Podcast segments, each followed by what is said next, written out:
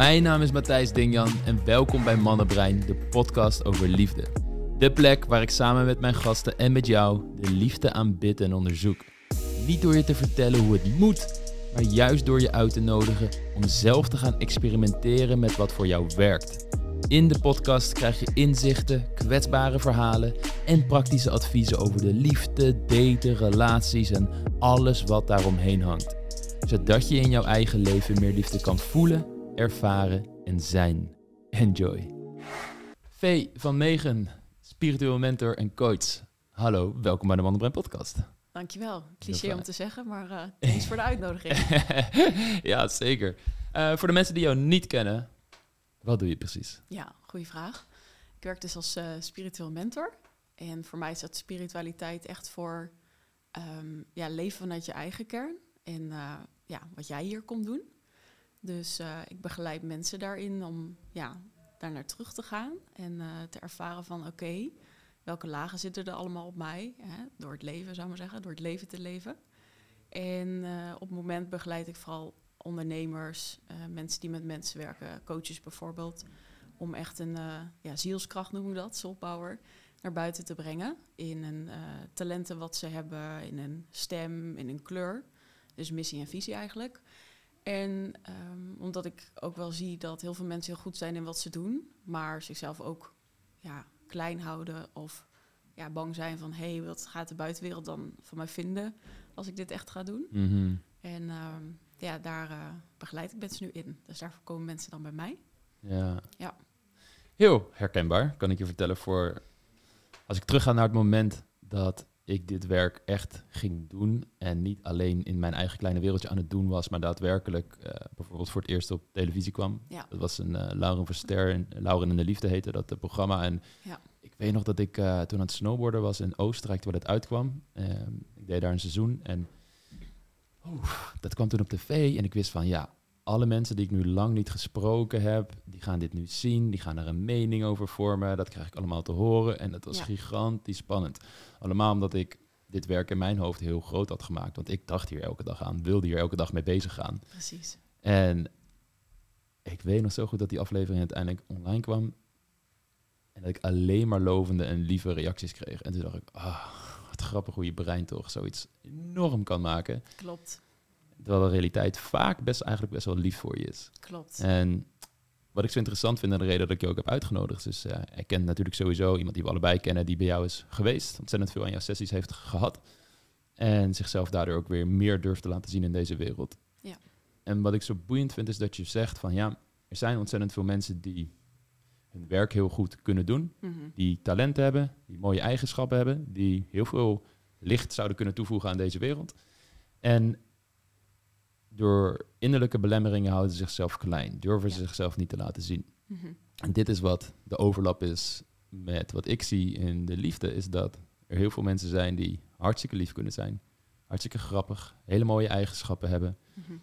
maar door belemmerende patronen, angsten, kanten van zichzelf naar voren brengen in het contact met mannen, of als je man bent in het contact met vrouwen, waardoor ze zichzelf klein houden, waardoor ze ja. zichzelf saboteren. En die uh, belemmeringen die daar zitten, daar zit volgens mij heel veel overlap en heel veel raakpunten. En vooral ook de manieren hoe je daar natuurlijk mee omgaat en wat je dan precies kan doen om die belemmeringen weg te halen en veel meer je authentieke kern in deze wereld te laten floreren. Mm -hmm. Daar ben ik heel erg uh, nieuwsgierig naar. Ja. Naar uh, ja, eigenlijk vooral de dingen die jij tegenkomt bij de mensen die ja. naar jou toestappen voor hulp. Ja. ja, het is mooi wat je zegt, inderdaad. En dat, je, dat er zoveel meer licht in deze wereld is. Alleen ja, dat we zo bang zijn om dat ook naar buiten te brengen. Wat je zegt van hè, zoveel lovende reacties. Maar mensen komen bij mij, ja, ik, ik, hoe ik het zie is van, hé, hey, we komen op deze wereld en dan zijn we allemaal eigenlijk een bonkje liefde, zou ik maar zeggen. En, um, een bonkje liefde. Een bonkje liefde. Hm. En um, weet je, naarmate we ouder worden, krijgen we natuurlijk een opvoeding, wat hartstikke logisch is. Anders zijn we losgeslagen handenbielen op een gegeven moment. Maar dat betekent wel dat wij dat zijn gaan associëren met um, iets is goed of iets is fout, zou maar zeggen. Iedereen heeft denk ik een eigen rechter in ons. En die zegt van, oh, maar dit kun je beter niet doen of dat, dat wel. En als we daar een soort van worden afgestraft. En als ik een voorbeeld van mezelf moet geven, en wat ik dus ook veel bij mensen zie, en waar ik dus ook mee werk, is bijvoorbeeld schaduwwerk. Is hoe vaak is al niet tegen ons gezegd: Ik ben heel enthousiast voor mezelf. En ik was altijd best wel een druk kind. Ik was heel gevoelig, maar ook heel erg druk en aanwezig. En hoe vaak wordt dan wel niet tegen ons gezegd: van... hey, doe even rustig, doe even niet zo druk. En uh, weet je, ik, ik, ik, merk gewoon dat, dat bij veel mensen hè, dat dat al zo vroeg is ingekomen en dat we dan onszelf gaan aanpassen in van, oh ja, maar dan, hè, dan, dan houd ik mezelf wel een beetje op de achtergrond, omdat ik ooit heb opgeslagen dat druk doen en enthousiast doen, dat dat er niet mag zijn. En hè, wat je heel mooi zegt over hè, je authentieke kern laten zien. Als wij geloven dat we dat laten zien en dat we dan door hè, de meest geliefde in onze omgeving, misschien op dat moment onze ouders, worden afgestraft. Ja, hoe eng is het dan om dat op latere leeftijd dan te doen en dat te laten zien? Omdat je, ja, je denkt eigenlijk automatisch, of je systeem denkt automatisch van, ja, dan word ik weer afgestraft. Hmm. En um, ik denk dat dat is, is in, het, in het schaduwwerk van hè, welke kanten heb ik van mezelf niet mogen zijn, zou ik maar zeggen. En mag ik weer opnieuw gaan omarmen en nieuw gaan ontdekken en te gaan zien dat, hé, hey, het is niet het een of het ander. Het is niet per se dat het een goed is of het andere slecht, maar wanneer zet ik een ene eigenschap in en wanneer zet ik een andere eigenschap in en dat je daar een soort van balans in kan vinden. Hmm. Je noemt al een aantal keer het woord schaduwkant, schaduwwerk. Ja. Wat is een schaduwkant exact? Ja, goede vraag. Um, komt van uh, Carl Jung af. En eigenlijk schaduwwerk is uh, hetgene in ons wat we wegstoppen en wat we niet willen zijn. Dus als we naar de wereld kijken, is alles een dualiteit. Hè, er is goed, er is kwaad, er is licht, er is donker. En dat zien we bijvoorbeeld ook in, eigenschappen terug. Hè, dus um, om even een, een, praktisch voorbeeld te geven, is um, ik, ik, ben best wel jong mijn vader uh, verloren. En um, toen heb ik echt het idee gekregen van oké, ik moet er gaan staan. Ik moet, ik moet krachtige feest zijn. Ik, ik, ik, weet je wel, als je, je moeder ook in, in zo'n staat ziet, denk je, oh, maar ik wil ook voor jou zorgen. En ik wil dat niemand verder last van mij heeft, zou ik maar zeggen. En dan wordt dat een beetje je staat. Dus de krachtige in mij, die zei altijd kom op en doorgaan en hard werken. En dat, dat is iets wat denk ik heel erg in onze samenleving ook zit. Hè? Meer mannelijke energie en, en, let's go. Maar de andere kant, uh, dus misschien hè, de krachten daar tegenover staat dan de, de, de misschien zwakkere of kwetsbare dat is ook een kant. En die heb ik heel lang bijvoorbeeld weggedrukt. Maar die komt je ook wat brengen. Want als je altijd alleen maar krachtig bent, dan betekent dat je op een gegeven moment al je energie lekt of over je grenzen laat gaan. Of wat we natuurlijk ook heel veel zien in deze samenleving is bijvoorbeeld overspannen of burn-out. Omdat we geleerd hebben van hé, hey, ja, dit is niet goed. Of hé, hey, hier doe ik mensen dan, uh, ben ik ermee tot last, zou ik zeggen. Maar hè, zwak zijn is natuurlijk niet altijd slecht. Want we zijn mensen en we moeten soms hulp hebben. En dat bedoel ik een beetje dus met, met de schaduw van hè, welke eigenschap heb je bij jezelf dan um, weggedrukt, waarvan jij bent gaan denken van, oh, maar dat vind ik echt fout. Terwijl mhm. het brengt je ook iets. Want als ik alleen nog maar die krachtige was, ja, dan weet ik niet, lag ik nu ergens uh, op de straat, uh, inderdaad, uh, I don't know. Mhm. Ja.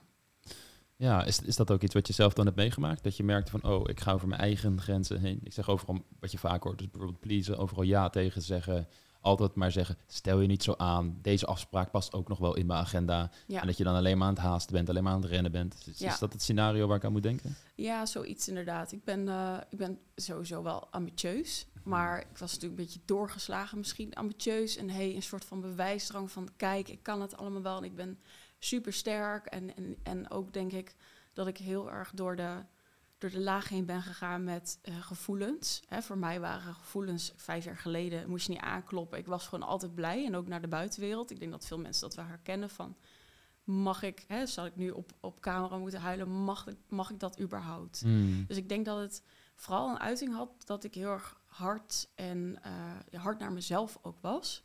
En dat ik vooral van alles moest. En dat uitte zich echt in ja, bijna overspannen, maar ook bijvoorbeeld uh, mijn rug die uitviel. Hè, want ik geloof echt ook in dat we uh, sowieso, uh, het lichaam werkt heel erg samen met ziel en onze mind. En ehm, we werken ook, denk ik, op, op, op vier lagen. En ja, dat je dat ook weer terug gaat zien op andere niveaus. Wat voor lagen bedoel je precies?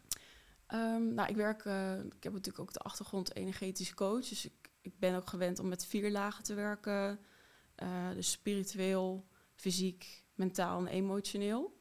En wat ik zei toen ik zo in die bijvoorbeeld krachtige rol zat en hey, en we moeten van alles, dan was ik niet bij mijn emoties, kon ik daar ook niet bij zijn. Hè, die drukte ik gewoon weg. En dat bedoel ik dus, en dan kwam het fysiek in mijn, mijn lijf. En spiritueel merkte ik van, hé, hey, dit is eigenlijk helemaal niet hoe ik wil leven. En dan merk je dat je vuurtje een beetje uitgaat. Dus ik geloof ook dat je alle twee de kanten nodig hebt om een soort balans weer in jezelf te vinden. Hmm. Ja, het is een, uh, het is een boeiende vraag uh, van oké, hmm, dat moeten. En, uh, mm Natuurlijk, wat je al vertelt, er zijn bepaalde patronen in je jeugd waar het ontstaat. En die kind-ouder-dynamiek van oké, je moet hoge cijfers halen, anders krijg je bijvoorbeeld een slechte reactie van je ouders. En allemaal van dat soort standaard voorbeelden waardoor mensen dat stemmetje, kritische stem van hun ouders in hun hoofd kunnen horen. Mm. horen. Je bent te druk, je bent te dit, je bent te dat. Vervolgens kom je in een peer group terecht met vrienden. Op de middelbare school wil je eigen identiteit verder ontwikkelen. En wat je dan weer vaak krijgt, is dat je jezelf heel hard gaat afmeten tegenover anderen in je omgeving. Van waar sta ik ongeveer? Waar hoor ik bij? Hoor ik bij die kinderen die allemaal heel veel aandacht krijgen? Of word ik juist een beetje afgezonderd? Of zit ik ergens in het midden en ziet niemand mij? Mhm. wat, hoe, wat is mijn positie ten opzichte van andere mensen waar we continu mee bezig zijn? Dan ga je vervolgens weer werken en je 20 jaar in, 30 jaar in en je krijgt daar een soort pad van de maatschappij van, nou ja, rond je 30ste een koophuis. Misschien uh, wel een vaste relatie met een paar kinderen rond je 35ste. Dat hoort er toch wel een beetje bij. Ja. En ik hoor dan altijd van, ja, weet je, we, we moeten zoveel van onszelf, maar dat moeten we eigenlijk even wat minder doen, want hmm. Het levert te veel stress op, burn-out, allerlei klachten die dat met zich meebrengt. Maar tegelijkertijd zit je natuurlijk in zo'n omgeving waarbij heel de maatschappij is ingericht op het bereiken van dingen. En zoals je zelf ook zegt, ik ben ambitieus, ik wil dingen bereiken in mijn leven. Waarin die dualiteit van jezelf meer rust gunnen en juist heel veel doelen nastreven. En op, op hassel gaan zitten. En hoe kan ik productiever zijn? Hoe kan ik mijn sociale leven nog meer uitbreiden... terwijl ik tegelijkertijd met targets op werk hou? Het, het zorgt volgens mij ook voor een, een onrust die moeilijk te bestrijden is... als je beide dingen heel hard blijft najagen, als het ware. Dat is tenminste wat ik vaak hoor bij mensen. Ja. Um, wat is jouw kijk erop? Hoe vind je daar dan een balans tussen? Of hoe, ja. hoe zit dat? Ja, ik, uh, als je dat nou zo zegt, dan denk ik, ja, voor mij kan het denk ik wel naast elkaar bestaan. Ik denk mhm. dat je heel goed ambitieus kan zijn. Um, en de balans wel kan houden van, hey, nou ja, ik denk dat het belangrijk is vanuit welke plek komt het. Ja. En wat ik net zei, van, hè, als je voelt van hé, hey, ik, ik wil gewoon doelen nastreven. Of hè, bijvoorbeeld denk ik dat bij veel mensen dat ook is dat dat je denkt van, oh, zou een ouder mij nou bijvoorbeeld kunnen zien of zien mijn omgeving wel goed ik het doen ben? En dan komt het een soort van een bewijsdrang of een soort pijn of een soort angst, denk ik. Dus ik denk dat de plek waar het van komt en van, hé, hey, wat wil ik doen? Want als ik het heb over mijn missie en wat ik voel en wat ik wil doen in de wereld, dan gaat daar mijn vuur van aan, zou ik maar zeggen. En hoe je de rust daarin kan bewaken, kijk, dat is wel het, het stuk van durven we ook naar onszelf te gaan. Durven we ook überhaupt al eerlijk te zijn met, hey, hoe voel ik me echt? Mm. Ik denk dat daar veel mensen overheen gaan. Hè. Wat ik net zei, ik heb ook, uh, nou, mijn lichaam gaf het aan, maar ik ging maar door. Dus dat is denk ik stap één.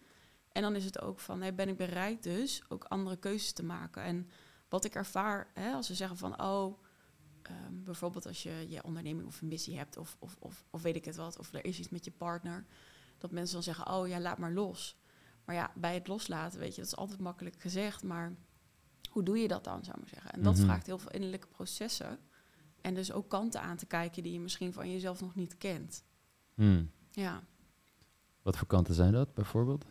Ja, wat ik net zei, van hè, kijk, als ik um, altijd uh, door heb moeten gaan, um, mag ik dan inderdaad ook de rust pakken. En um, wat veel mensen doen is natuurlijk als we, als we echt de rust moeten nemen, en dat is voor iedereen anders. Hè. Dat is niet per se dat je op de bank stil moet zitten.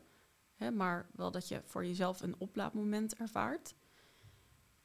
Um, ja, kan dat? Je systeem gaat waarschijnlijk anders zeggen. Mhm. Omdat je altijd wel maar door moest. Ja. En dat vraagt dus van, hey, kan ik daarin zakken? Kan ik ervaren van, oh ja, wat komt er nu op? In plaats van meteen weer dingen te gaan doen. Hè? Uh, in plaats van, nou, dan ga ik maar gewoon afleiding zoeken op mobiel. Of ga toch maar even een wasje draaien of weet ik het wat.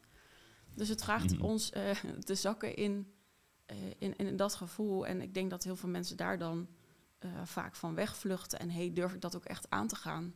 Mm -hmm. Ja. Ja, en het is heel subtiel. Het is heel subtiel. Ik zelf kan ik heel gemakkelijk inderdaad denken van, oh ja, maar als, als ik nu even rust neem, nou, pak dan wel even een boek erbij en ga dat lezen. Ja. Ah, pak toch even die podcast, je moet dat wasje toch nog doen, doe je twee dingen tegelijk. Mhm. En zo ben je als het ware continu inderdaad je tijd aan het opvullen. En ik merk dat als ik lichamelijk, ik heb dat echt moeten leren, als ik lichamelijke sensaties van stress merk, spanning, minder plezier. Dat is een hele belangrijke. Als ik minder grappen begin te maken op kantoor en zo, dan weet ik van, oh, oké, hier, Ja. hier, hier gaat iets niet goed. Want ik Ja. heb die ruimte niet meer in mijn mentale capaciteit. Ja. Dan, dan moet ik echt gewoon gaan zitten even en naar binnen gaan. Oké, wat voel ik?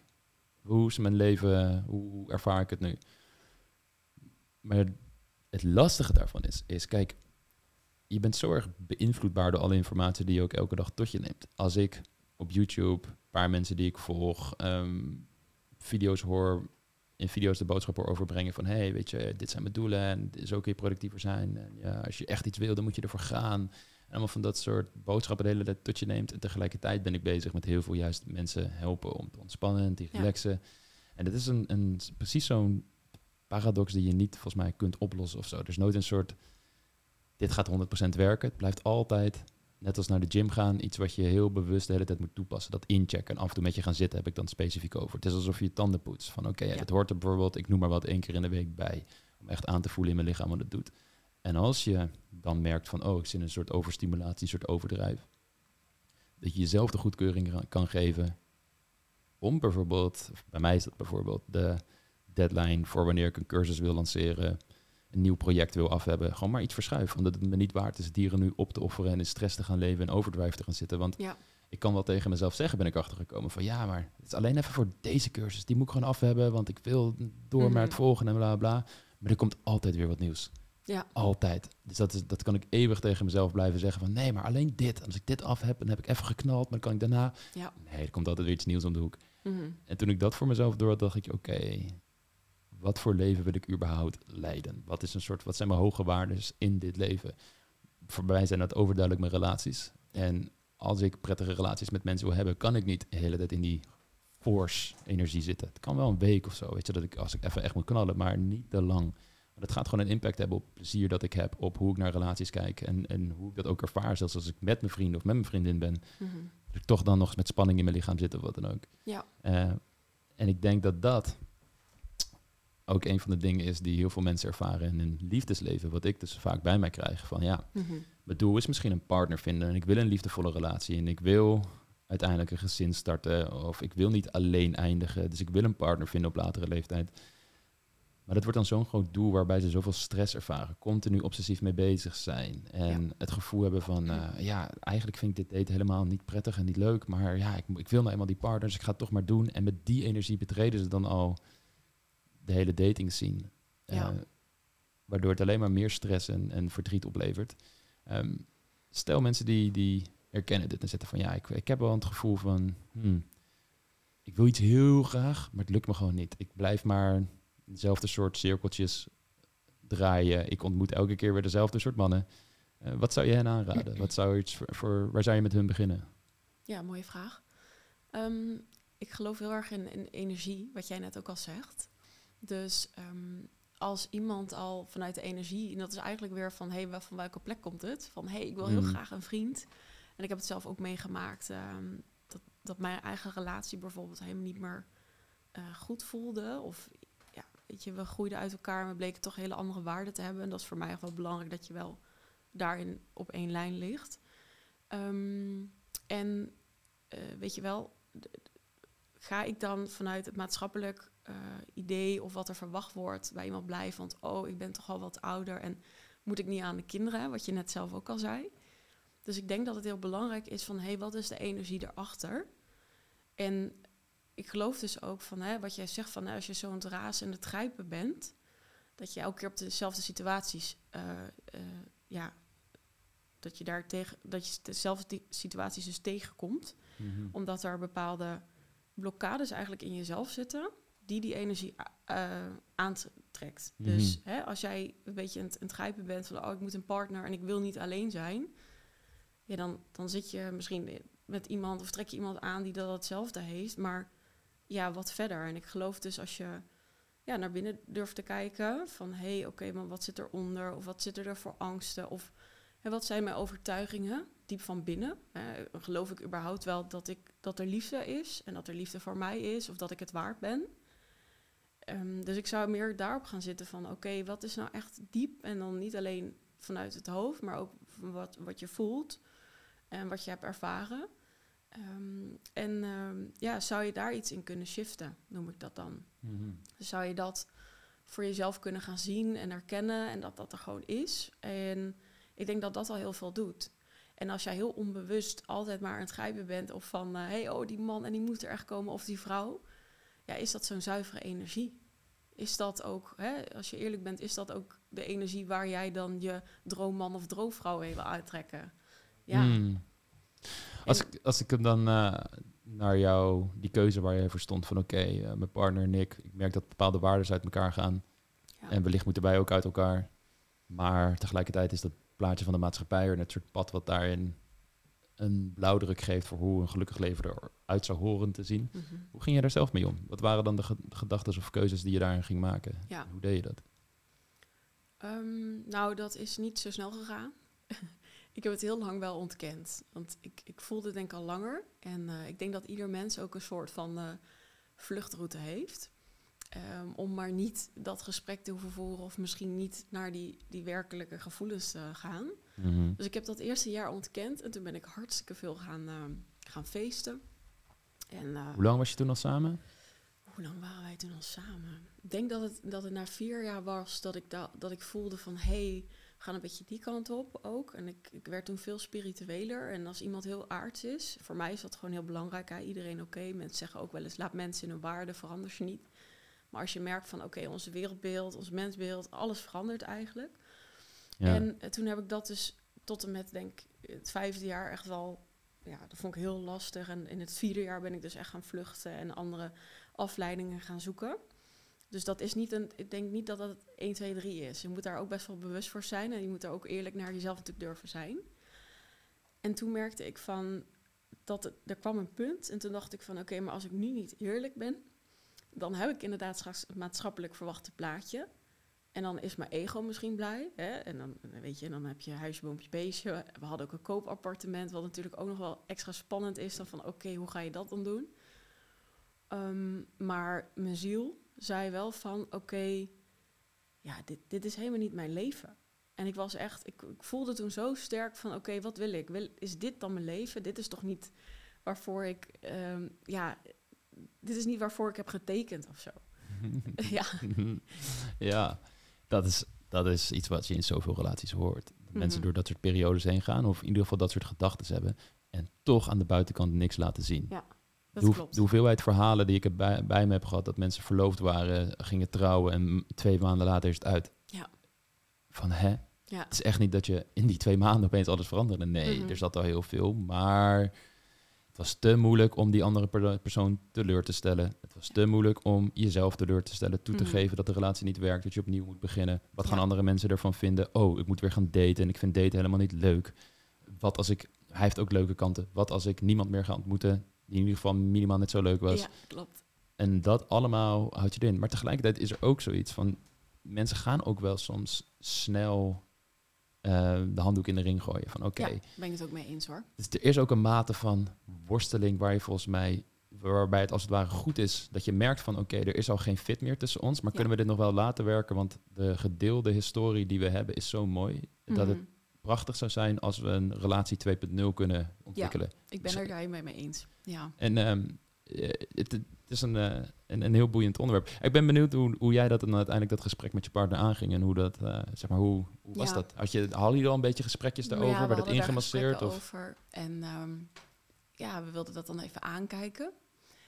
Maar wat jij zegt en waar ik het dus helemaal mee eens ben. Kijk, wij zijn elkaar op een gegeven moment verloren. Omdat zij dus niet meer veel communiceerden, denk ik.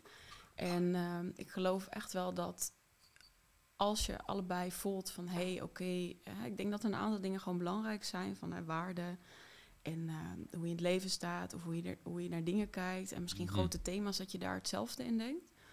Maar ik denk dat wij op een gegeven moment gewoon merkten van oké, we gaan nog even proberen. En dat zeggen veel mensen, maar hebben, we hebben misschien niet eens echt geprobeerd. Omdat ik, ik had misschien mijn keuze al gemaakt, was niet helemaal eerlijk. Ehm, en toen heb ik op een gegeven moment gezegd: Oké, dit, dit werkt gewoon niet meer zo. En we moeten het maar gaan doen. Want het was ook van: hey, hoe spannend. En wat ik zei van.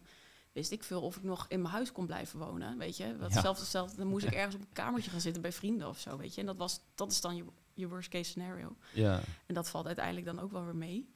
Dus dat had je heel erg tegen. Maar eh, ja, ik ben het dus heel erg eens. Want ik denk ook, eh, als ik daar naar terugkijk, van hoe belangrijk is het?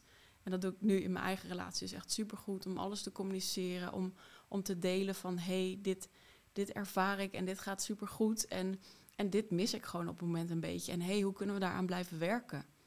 En ehm, dus daar ben ik het wel eens. Maar ja, dus dat, op een gegeven moment was dat gewoon, werd dat gewoon duidelijk. Ik denk, ja, nee, het is ja, op dat moment, en ik weet dus niet helemaal of het waar is, maar het voelde van wij gaan niet naar elkaar toe kunnen groeien. En ik denk dus Mm. voor mij had het gewoon echt een reden met ik wil heel graag iemand die bezig is ook met spiritualiteit en, en, waar ik daarmee gesprekken ook kan over hebben, omdat ik gewoon voel van ja, ja, weet je, ik, ik geloof zo in de ziel of zo. En dan als iemand dat helemaal niet heeft, dat, dat was zo'n mismatch. ja. Maar ik geloof wel ehm, ja, dat je wel naar elkaar toe kan blijven werken. En ik denk houden van gaat ook vooral over...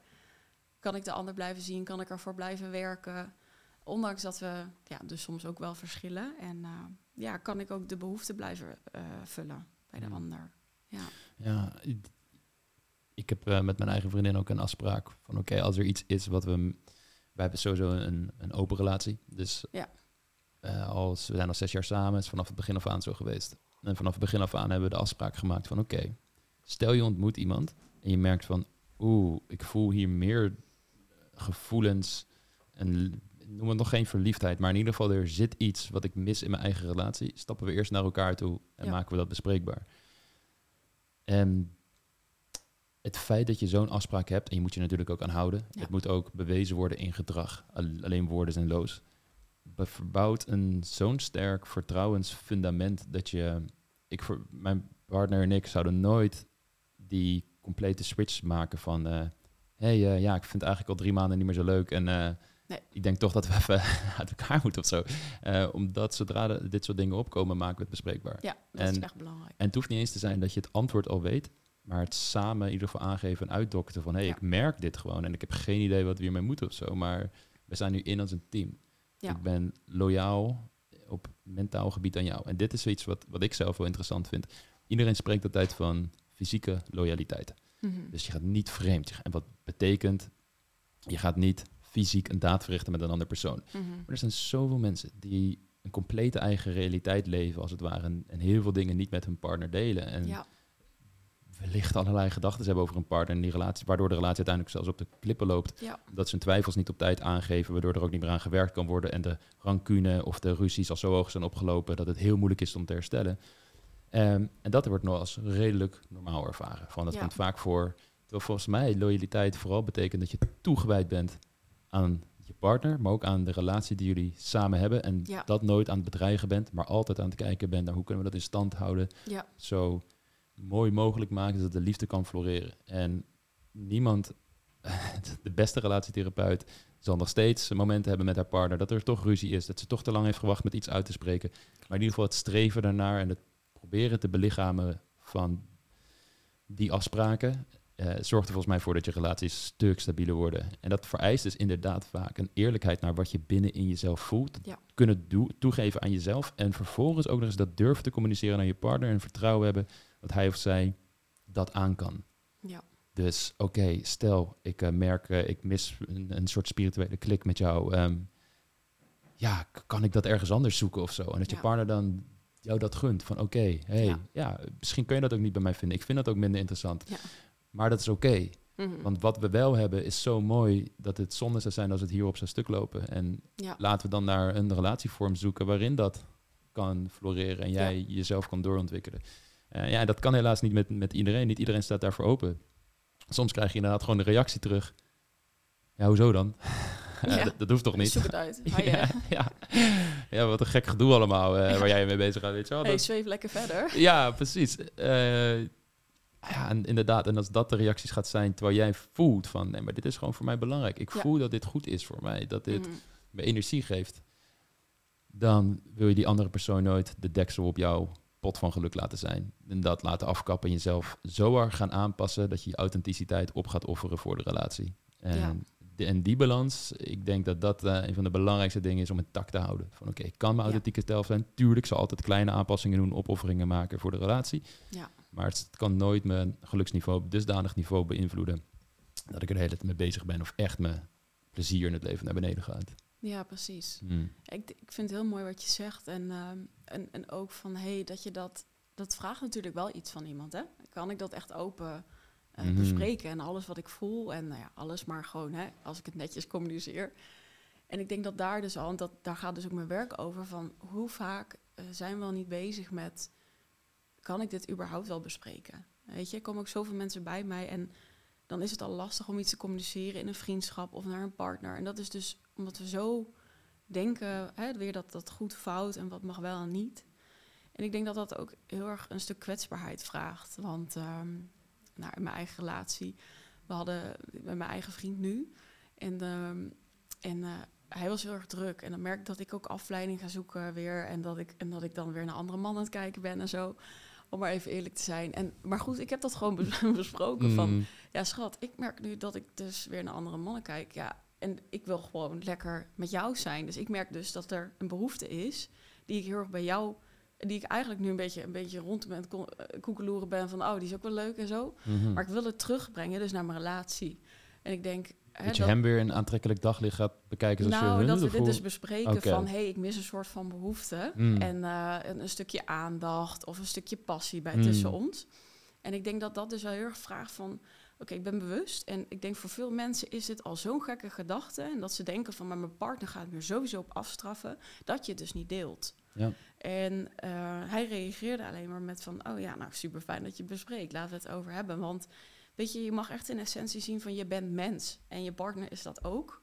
En weet je, je hebt je coping, je hebt je vluchtroutes, je hebt ehm, de stukken waar je misschien voor schaamt. En ik denk juist als je een goede relatie hebt, mag dat er ook allemaal zijn. Hè?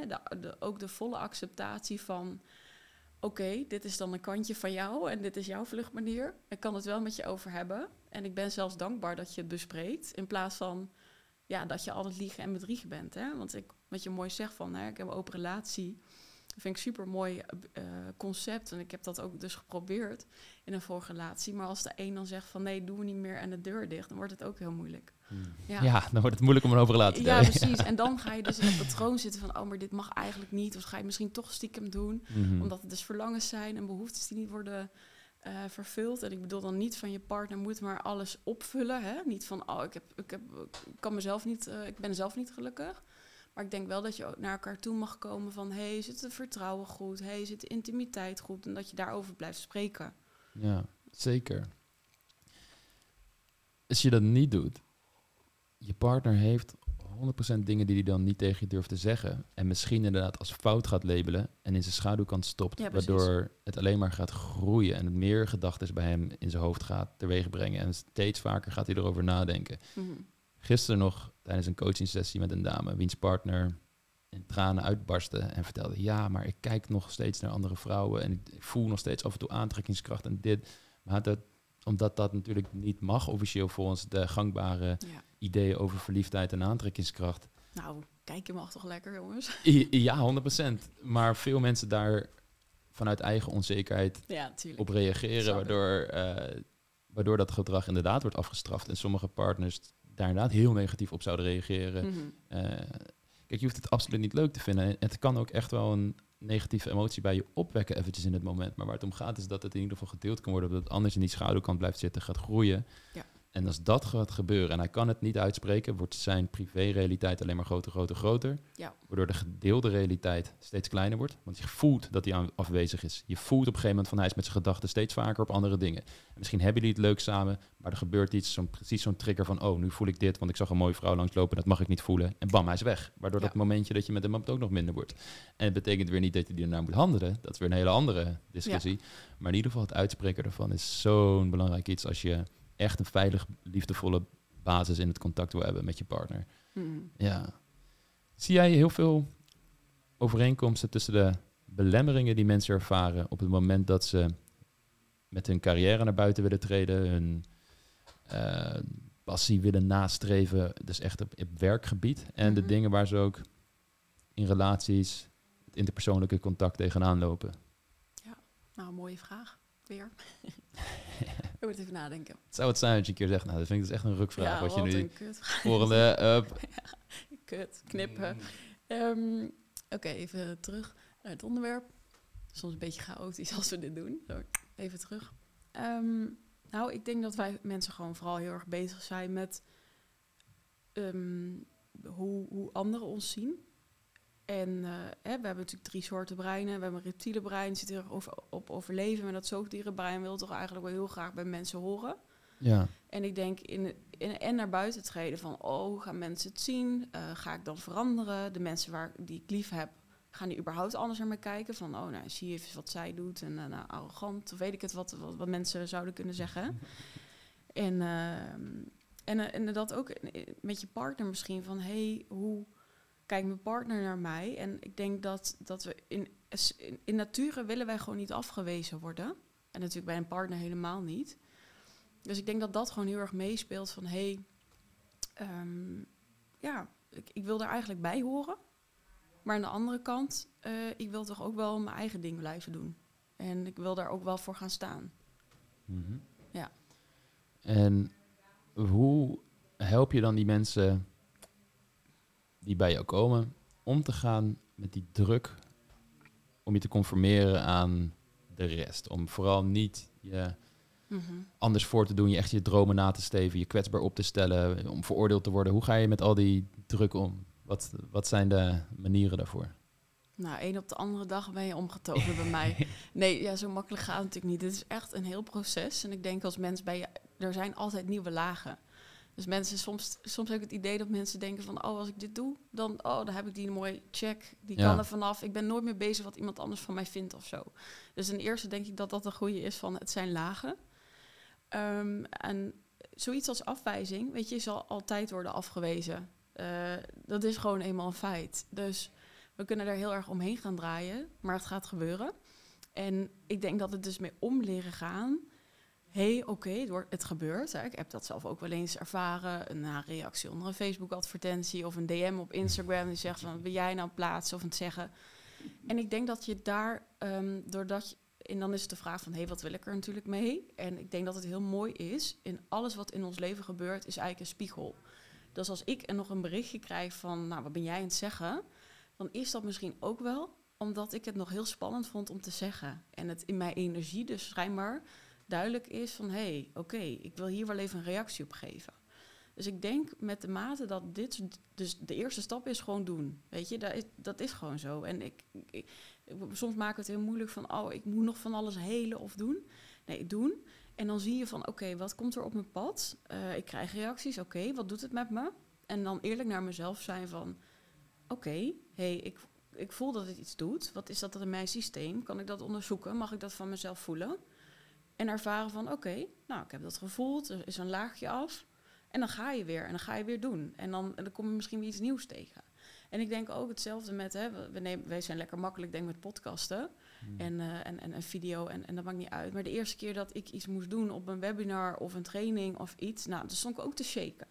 Weet je, dus ik denk ook met, um, doordat we het vaker doen, um, gaat het er ook af. En, en, en merk je van, oké, het is er in de wereld. En dan zullen mensen altijd misschien iets zeggen. Of inderdaad, er zullen mensen um, uh, van mijn pad afgaan. Of hè, die, die relatie die ik had, uh, niet per se liefdesrelatie, maar bijvoorbeeld vriendschap of iets. Of past iemand nog wel in mijn leven? Ik denk dat dat er ook bij hoort. Dus hoe meer je verzet tegen dat het leven, dat, we, dat er verandering is ja, hoe moeilijker het wordt volgens mij. Want het is nu alweer veranderd, hoe wij hier zitten. Mhm. Weet je, we zijn nu alweer anders dan dat we dit gesprek zijn gestart. Mm.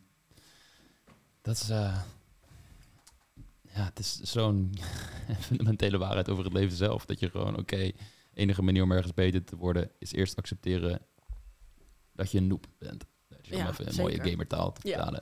En als je ergens goed in wil worden, zou je dat moeten kunnen accepteren... zodat je jezelf toestaat om te falen. Toestaat om... Ja. Dat het rommelig is. Dat het nog een beetje chaotisch is. Dat je niet helemaal weet wat je aan het doen bent. En dan gaandeweg, omdat je meer input krijgt uit de wereld en de handeling beter begrijpt, kun je nieuwe informatie en feedback opdoen, zodat je kunt groeien. En dat is in alles zo. Het is in daten, relaties, Mhm. in je carrière nastreven. En dat draait er echt om dat je binnen jezelf iets kan vinden van... hé, hey, volgens mij is dit belangrijk genoeg en ik ga oké zijn met wat er ook gaat gebeuren. Mhm. Maar dat is zaak het stukje vertrouwen waar veel mensen door moeilijke dingen die ze hebben meegemaakt, Ja. dat gevoel niet hebben, daar niet in kunnen intappen. Stel iemand die, die zegt van ja, hey, Vee, eh, dat is leuk allemaal, maar ik durf überhaupt niet die eerste stap te zetten. Of als ik het doe dan, dan, en het gaat niet goed, dan krijg ik er zo'n blowback van. Ik ben dan in één keer uit het veld geslagen, ik word overweldigd en ik vind dat zo lastig. Hoe ga je daarmee om? Ik denk ehm, als we uit het veld zijn geslagen, dat dat ook vaak is omdat we helemaal in onszelf kruipen. En dat we er heel veel verhalen omheen gaan zeggen. Ik, ik, kan een relatie pakken waar. ehm, laat ik even iets anders van mezelf even als voorbeeld nemen, omdat het nou in mijn hoofd zit van hè, wat ik zeg op dat podium, of, of mensen zaten dan op hun mobiel en, en of ze waren niet geïnteresseerd in wat je kwam doen. En dan kunnen we dat misschien helemaal opblazen. En zeggen van, oh zie je wel, want het is helemaal niet de bedoeling. Dus ik denk ten allereerste is het sowieso belangrijk dat iemand even met je kan zitten. En dan kan gaan kijken met, oké, maar je did het. En er zijn dingen goed gegaan. Supergoed, want je hebt er überhaupt gestaan. Je hebt überhaupt de stappen hè, gezet. Ehm, en daarnaast van, oké, wa- waar zit dan verbetering? En ik denk dat wij zo streng zijn voor onszelf. En dat we het plaatje hebben waar we aan vasthouden. Zo moet het gaan, daar ligt mijn lat. En dat het eigenlijk ook een self-fulfilling prophecy is dat we al weten van oké, maar daar ga ik niet komen. Dus we houden onszelf dan ook, zou ik maar zeggen, klein. En als mensen zeggen van ja, maar die eerste stap, ik durf het al niet, dan is voor mijn idee misschien de stap te groot. Dus ik kijk ook altijd, ehm, hè, ik, ik heb twee eh, de coaches die naar begeleid en dan is het naar buiten. En dan hè, is het misschien al van oké, een story maken op mijn Instagram is voelt al misschien spannend. En de volgende stap is eh, een, een one-day retreat. Ik zeg maar even Mm. wat, dat ze opeens voor een groep staan.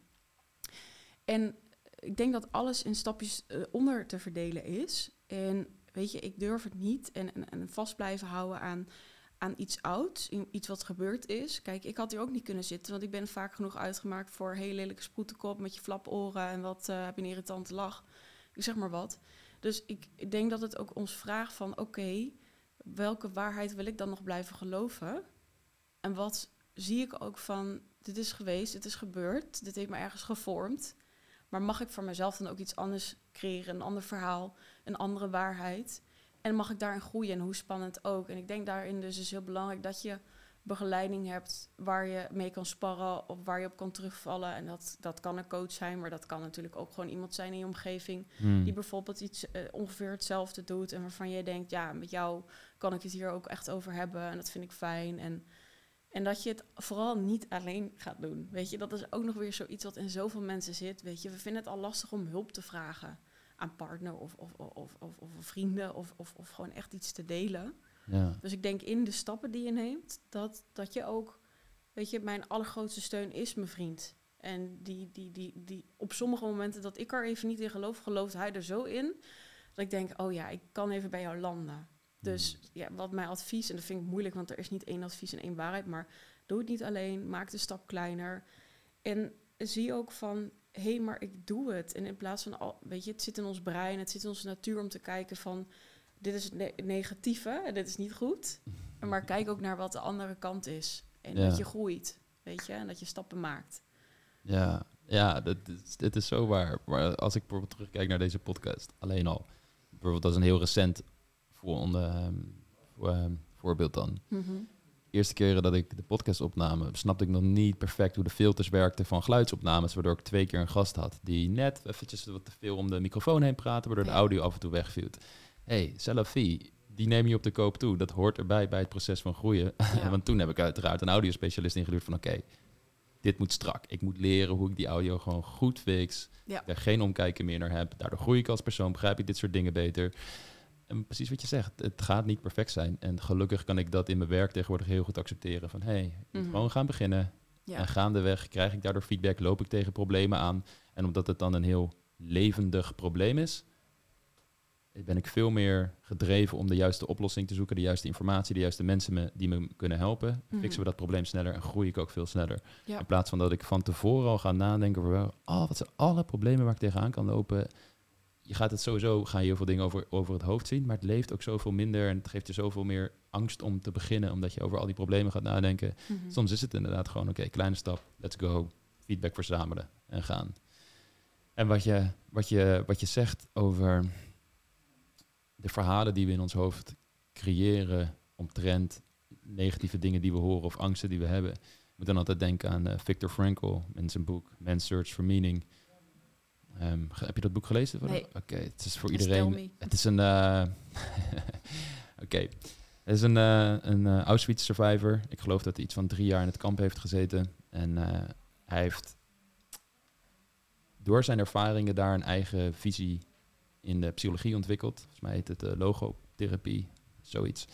En waar het in ieder geval om gaat, is dat het heel erg draait om wat voor betekenis geef je aan evenementen. En hij zegt, oké, tussen een gebeurtenis en een reactie heb jij de tijd om te beslissen wat de betekenis is die je aan die gebeurtenis geeft, zodat je een nieuwe reactie kan kiezen. Mhm. En dat hele gegeven, als je dat echt gaat leven en echt gaat doorhebben en jezelf ook toestaat om een andere betekenis te geven aan degene, aan, aan een gebeurtenis, Ja. dan je eerste reactie wellicht vertelt, dat geeft ontzettend veel kracht. Mhm. En maakt het veel makkelijker ook om nieuwe keuzes te gaan maken in het leven. Bijvoorbeeld, als ik heel, het weer heel simpel maak. eh, ik geef ook datingadvies aan mannen. Een groot onderdeel daarvan is een soort exposure therapy, waarbij je de straat op gaat of naar clubs gaat. En waarbij ze mensen moeten gaan aanspreken. En natuurlijk vooral vrouwen, want daar ligt hun grootste angst. Dan worden ze getriggerd in hun grootste angst. Namelijk, oh, ik moet nu iemand gaan aanspreken. Wat zal die persoon van mij gaan vinden? Willen ze wel naar mij luisteren? Noem maar op.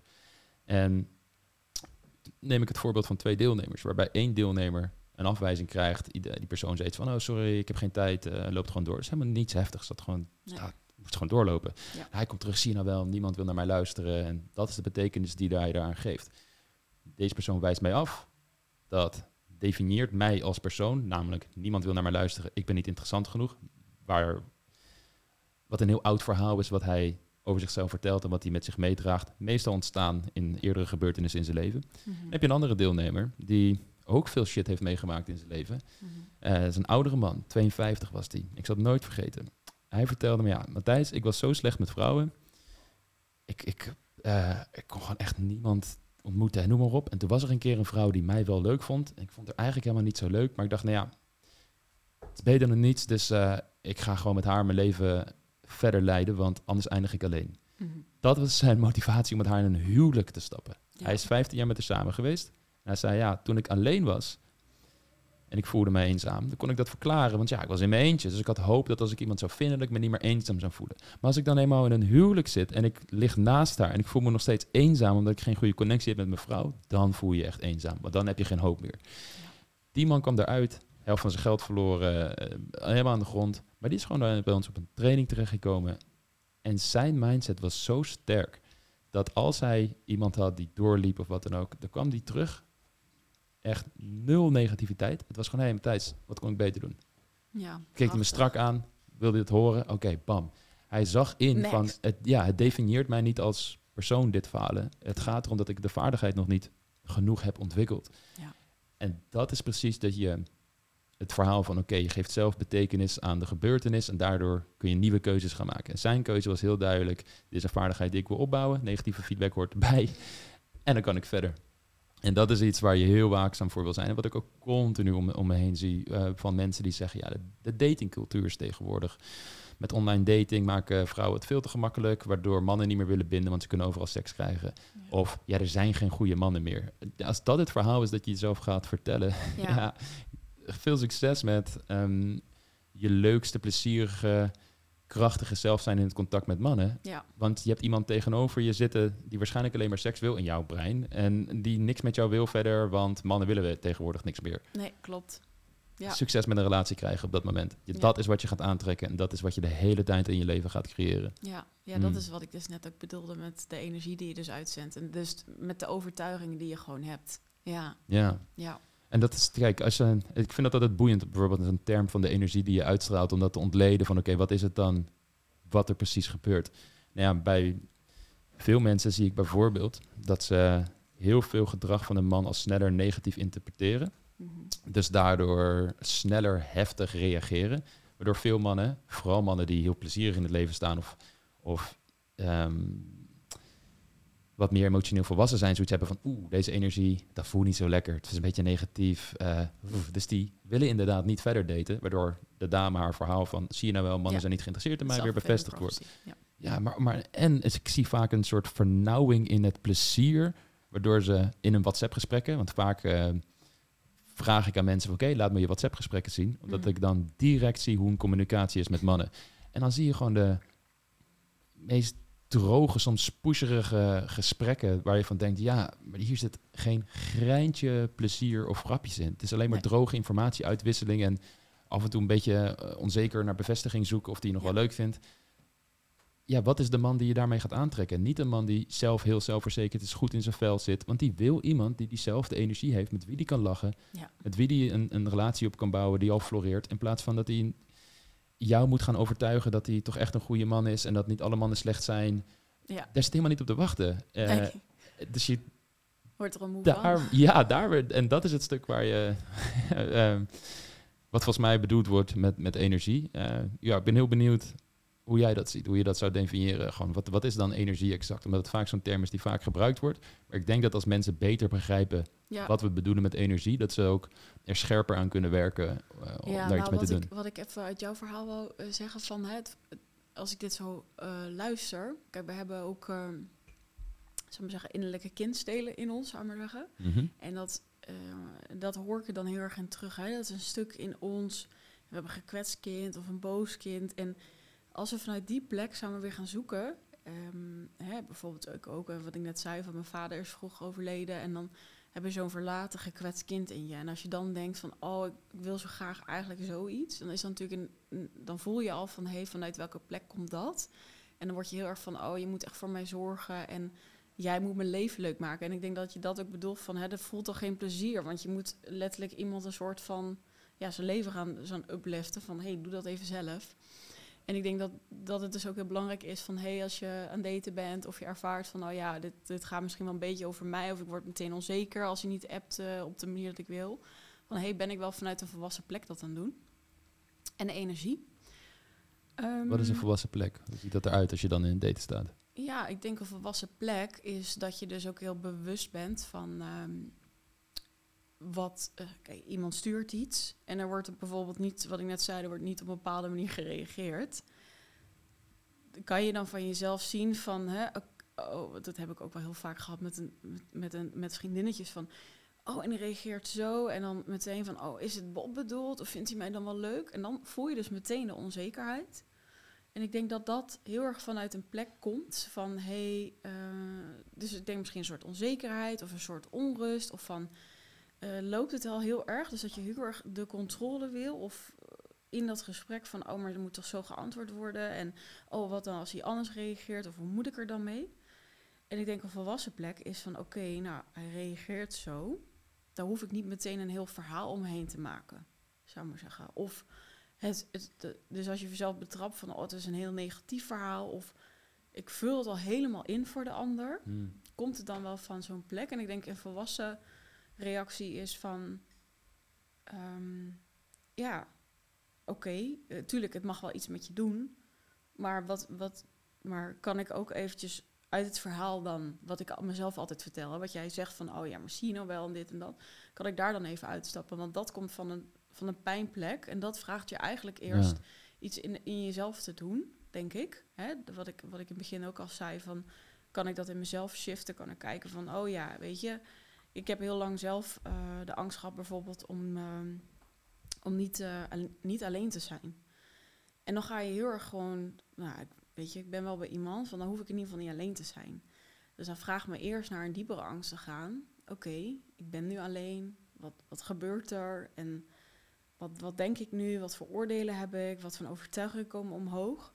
En te zien van oké, waar was ik nou zo bang voor? Wat betekent dat alleen zijn dan? En hey, kan ik ook dat loskoppelen uit, de, uit, uit wat er allemaal gebeurd is in mijn leven? En dat als je ooit verlaten mm. bent of, of er is een ouder dood of iemand gaat dood, dat dat een, iets anders is dan en dat, dat dat niet per se gekoppeld hoeft aan de relatie. En hoe je dat merkt in de energie. Ik denk dat het gewoon een zuivere vraag is van hey, ja, wil ik een partner omdat ik denk van, oh, dat zou top zijn. Mijn, mijn leven is gewoon fijn.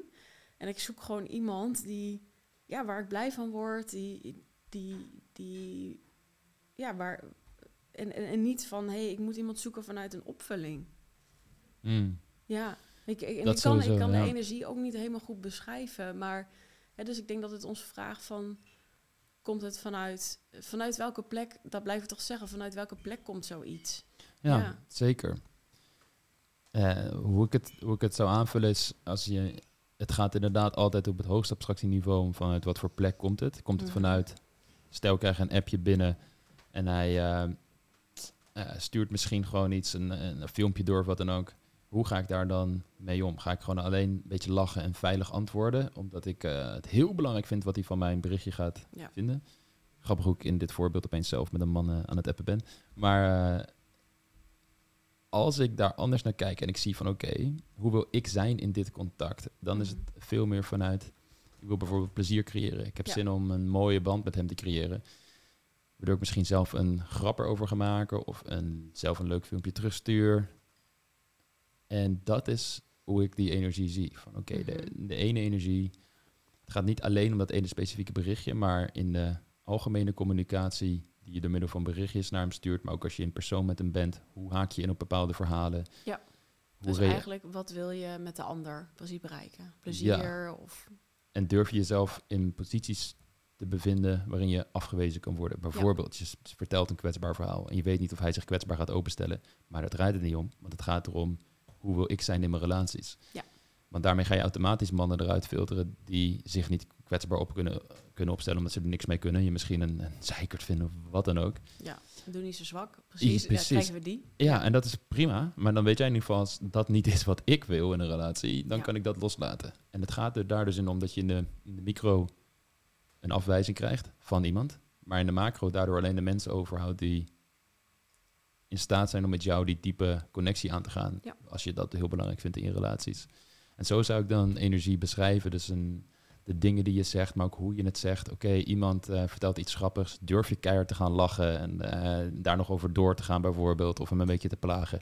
Stel je zit in een cafeetje een drankje te doen. En je hebt zoiets van, ah, ik heb eigenlijk wel zin om gewoon een rondje te lopen. hey, zullen we anders even een rondje door het park wandelen of zo? Of naar een ijssalon Ja. gaan en daar een ijsje halen.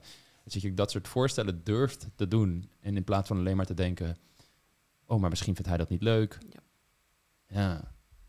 Ja, dat zijn, eh, het is een uitdaging. En ik denk dat het altijd een uitdaging blijft zijn, ja. Om dat uit te leven in de Mhm. wereld en daarmee aan de slag te gaan. Ja. Hmm. Ja, mooi. Wat zijn ehm, dingen waar jij heen wil gaan met het werk dat je doet? Wat zijn soort van de, ja, de, hoe zou ik het zeggen? Waar wil je uiteindelijk terechtkomen? Wat, wat voor werk, wa- waar zie je jouw werk uiteindelijk heen gaan? Waar, waar ga je mensen echt mee helpen? Vooral. Mooie vraag. Nou, mijn eigen missie gaat nu eh, binnenkort beginnen met de taboekast. En dat gaat echt over taboes. En eh, Mhm. dat echt bespreekbaar maken. Omdat ik voor mijn idee zit er veel te veel in de schaduw. En mogen we veel te veel van onszelf niet zijn. Ehm, en ik denk dat mijn missie er vooral over gaat van... hé, hey, ik wil echt laten zien van, we zijn mens. Maken allemaal shit dingen mee. We doen ook dingen die niet zo handig zijn. Eh, ik heb zelf ook bijvoorbeeld lange tijd ben ik, heb ik agressief gedrag vertoond. En dat is zo lang, weet je wel, denk je, oh, ik ben echt helemaal gek en wat moet ik ermee? Maar juist omdat we het niet over kunnen hebben. Hmm.